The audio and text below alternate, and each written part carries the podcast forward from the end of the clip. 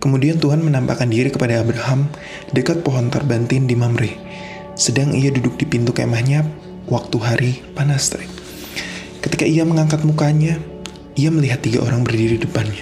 Sesudah dilihatnya mereka, ia berlari dari pintu kemahnya menyongsong mereka. Lalu sujudlah ia sampai ke tanah, serta berkata, Tuanku, jika aku telah mendapatkan kasih Tuanku, janganlah kiranya lampaui hambamu ini. Biarlah diambil air sedikit, basuhlah kakimu dan duduklah beristirahat di bawah pohon ini. Biarlah aku ambil sepotong roti supaya tuan-tuan segar kembali. Kemudian bolehlah tuan-tuan meneruskan perjalanannya, sebab tuan-tuan telah datang ke tempat hambamu ini. Jawab mereka, Perbuatlah seperti yang kau katakan itu. Lalu Abraham segera pergi ke kemah mendapatkan Sarah serta berkata, Segeralah, ambil tiga suka tepung yang terbaik, remaslah itu dan buatlah roti bundar. Lalu berlarilah Abraham kepada lembu sapinya. Ia mendapati seekor anak lembu yang empuk dan baik dagingnya dan memberikannya kepada seorang bujangnya. Lalu orang ini segera mengolahnya. Kemudian diambillah dadi dan susu serta anak lembu yang telah diolah itu, lalu dihidangkan di depan orang-orang itu. Dan ia berdiri dekat mereka di bawah pohon itu, sedang mereka makan. Lalu kata mereka kepadanya, di manakah Sarah istrimu? Jawabnya, di sana, dalam kemah. Dan firmannya, sungguhnya aku akan kembali tahun depan mendapati engkau. Pada waktu itulah Sarah, istrimu akan mempunyai seorang anak laki-laki. Dan Sarah mendengarkan pada pintu kemah yang di belakangnya. Adapun Abraham dan Sarah telah tua dan lanjut umurnya, dan Sarah telah mati haid. Jadi tertawalah Sarah dalam hatinya katanya, Akan berahikah aku setelah aku sudah layu sedangkan Tuanku sudah tua? Lalu berfirmanlah Tuhan kepada Abraham, Mengapakah Sarah tertawa dan berkata, Sesungguhnya aku akan melahirkan anak sedangkan aku telah tua? Adakah sesuatu apa pun yang mustahil untuk Tuhan? Pada waktu yang telah ditetapkan itu tahun depan, aku akan kembali mendapati engkau dan pada waktu itulah Sarah mempunyai seorang anak laki-laki. Lalu Sarah menyangkal katanya, Aku tidak tertawa, tetapi aku takut. Tetapi Tuhan berfirman, tidak, memang engkau tertawa. Lalu berangkatlah orang-orang itu dari situ dan memandang ke arah Sodom. Dan Abraham berjalan bersama-sama dengan mereka untuk mengantarkan mereka. Berpikirlah Tuhan, apakah aku akan menyembunyikan mereka kepada Abraham apa yang hendak kau lakukan ini? Bukankah sesungguhnya Abraham akan menjadi bangsa yang besar serta berkuasa, dan oleh dia segala bangsa di atas bumi akan mendapat berkat?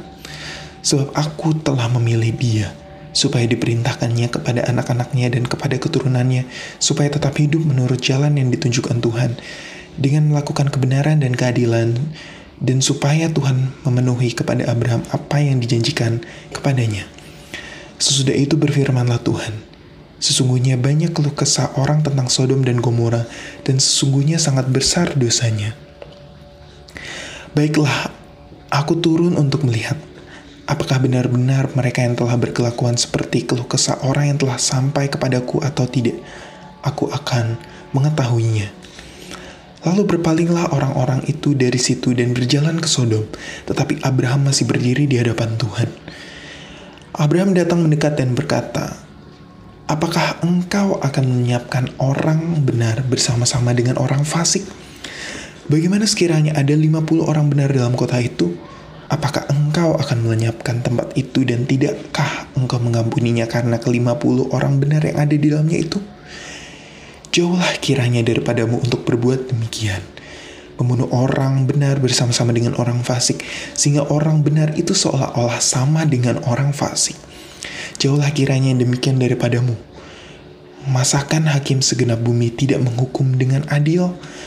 Tuhan berfirman, jika kudapati 50 orang benar dalam kota Sodom, aku akan mengampuni seluruh tempat itu karena mereka.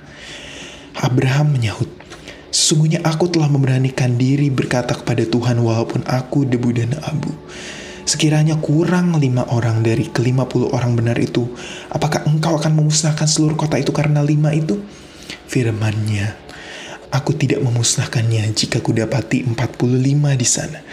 Lagi Abraham melanjutkan perkataannya, Sekiranya 40 didapati di sana, firmannya, aku tidak akan berbuat demikian karena yang 40 itu. Katanya, janganlah kiranya Tuhan murka karena aku berkata sekali lagi, Sekalinya 30 didapati di sana, firmannya, aku tidak akan berbuat demikian jika kudapati 30 di sana. Katanya, sesungguhnya aku telah memberanikan diri berkata kepada Tuhan, sekiranya 20 didapati di sana, firmannya, aku tidak akan memusnahkannya karena yang 20 itu. Katanya, janganlah kiranya Tuhan murka karena aku berkata sekali ini saja. Sekiranya sepuluh didapati di sana, firmannya, aku tidak akan memusnahkannya karena yang sepuluh itu. Lalu pergilah Tuhan karena ia selesai berfirman kepada Abraham.